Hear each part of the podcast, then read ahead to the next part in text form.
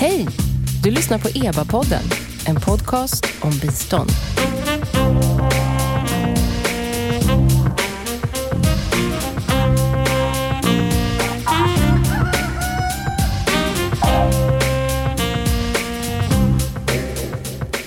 Välkomna till eh, EBA-podden Almedal special. Vi eh, spelar ju in en, en del samtal här i Almedalens bibliotek under denna vecka. Och eh, nu, och jag har fiskat hit en del riksdagsledamöter som har talat om sina partiers syn på bistånd.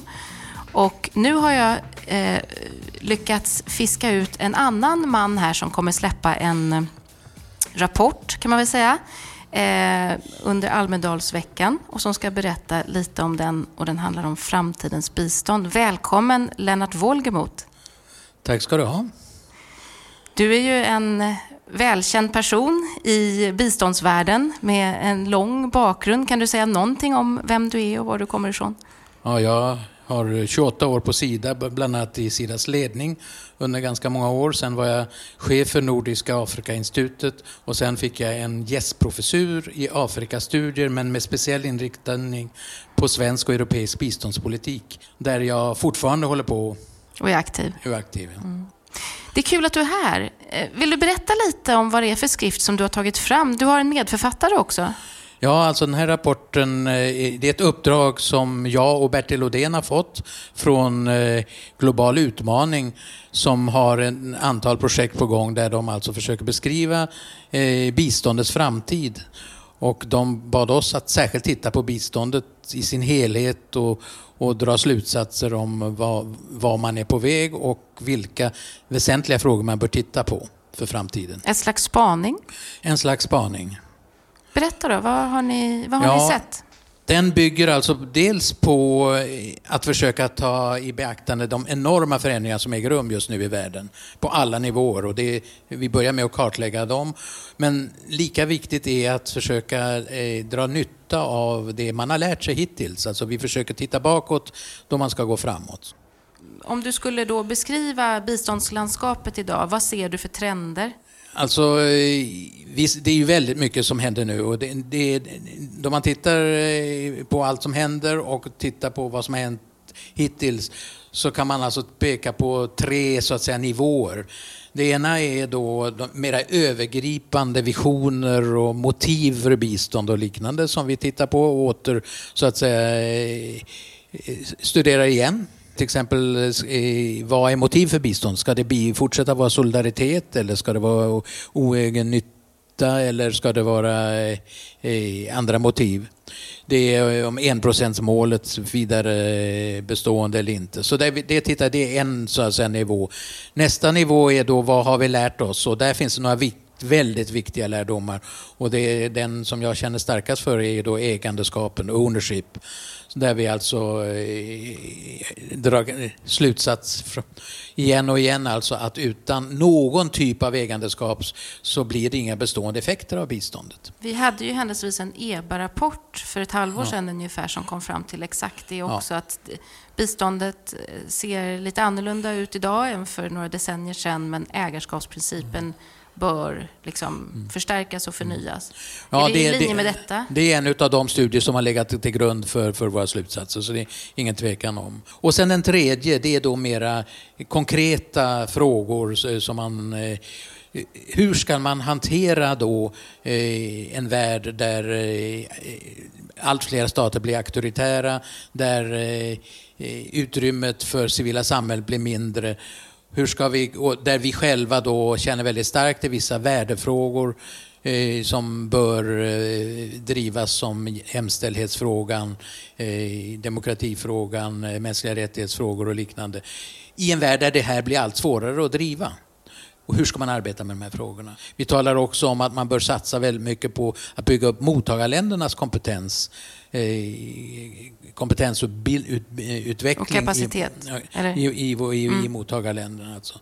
Och eh, vi tittar också på då slutligen eh, eh, väldigt eh, jordnära frågor som, som vad, är, vad följer nu efter resultatagendan har blivit ifrågasatt och, och eh, vi ska försöka hitta nya former där vi både svarar på, på eh, kraven som eh, skattebetalarna har av att veta hur bistånd användes men samtidigt framför allt ser till att det blir effekter i mottagarländerna. Resultatagendan, vad syftar du på då?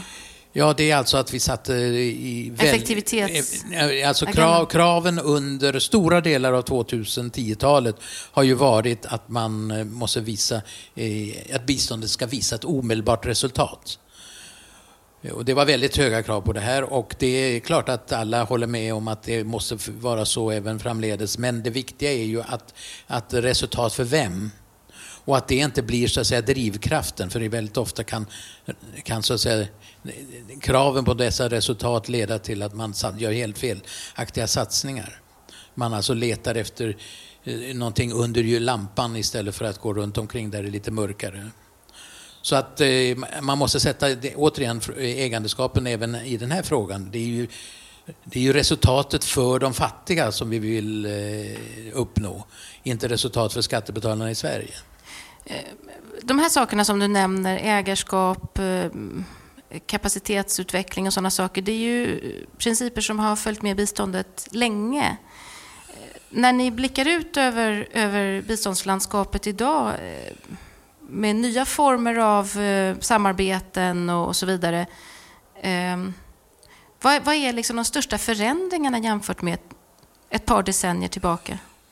Ja, det är klart att det är ju ingenting som är riktigt nytt under solen. Utan, eh, men det är ju det, det, det är en annan värld vi lever i idag. Och den, man måste alltså, och det betonar vi upprepar på nästan varje punkt, att man måste så säga, anpassa den här principen som kanske gällde för även förut till de nya förhållanden som finns idag. Och vad är det för nya förhållanden? Ja, det är ju framför allt är det ju politiska förskjutningar i världen. För man har flyttat eh, eh, makt från de tidigare väststaterna till Kina.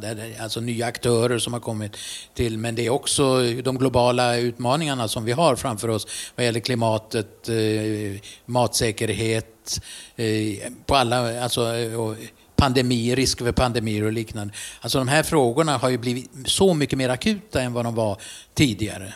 Och delvis har ju det att göra med att vi idag är åtta miljarder människor på jorden och då jag skrev min första motsvarande skrift så var det drygt två miljarder människor.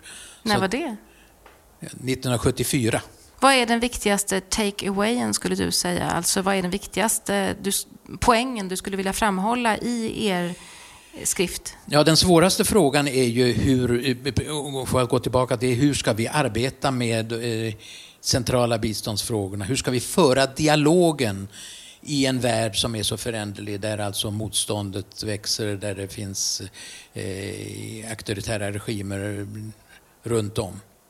Så att dialogfrågan tror jag är den absolut centrala frågan.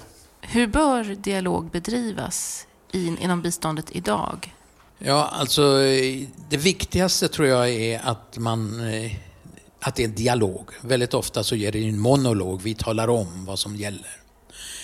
Och det andra är att det inte är, att det är med morötter snarare än med piskor man arbetar. Alltså för att, Ja, men vi är, om vi tar jämställdhetsfrågan till exempel, där är Sverige ju ganska ensamt idag att driva den frågan. Alltså, till och med våra närmaste eh, eh, länder runt omkring har ju upphört med sitt stöd på det här området. Så alltså de nordiska länderna? Till och med de nordiska Jaha. länderna. Varför det?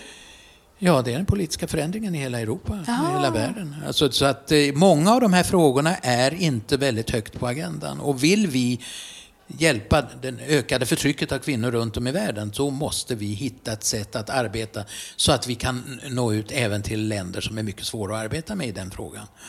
Och då blir det väldigt viktigt hur vi gör det och då går det inte att använda, eh, i alla fall normen kan inte vara att använda eh, eh, piskan. Kan man säga så här sammanfattningsvis att ni lyfter fram lite gamla godingar som behöver lyftas in i framtidens bistånd? Jag hoppas att inte det ses bara som det utan att man verkligen ser att de är genomtänkta eh, för att anpassa, för att passa till dagens väldigt förändrade situation. Så ägarskap och dialog, det är de två... Ja, det är... Det är framgångsreceptet, eller? Ja, och eh, skulle jag säga kapacitetsuppbyggnad i mottagarländerna också. Tack Lennart Wolgemot att du hade möjlighet att komma förbi och berätta om den här nya, eh, vad kallar du för rapporten? Ja, det är en framtidsstudie om biståndet. Framtidsspaning. Mm. Framtidsspaning. Tack så mycket. Nu får du gå ut till seminarierna igen.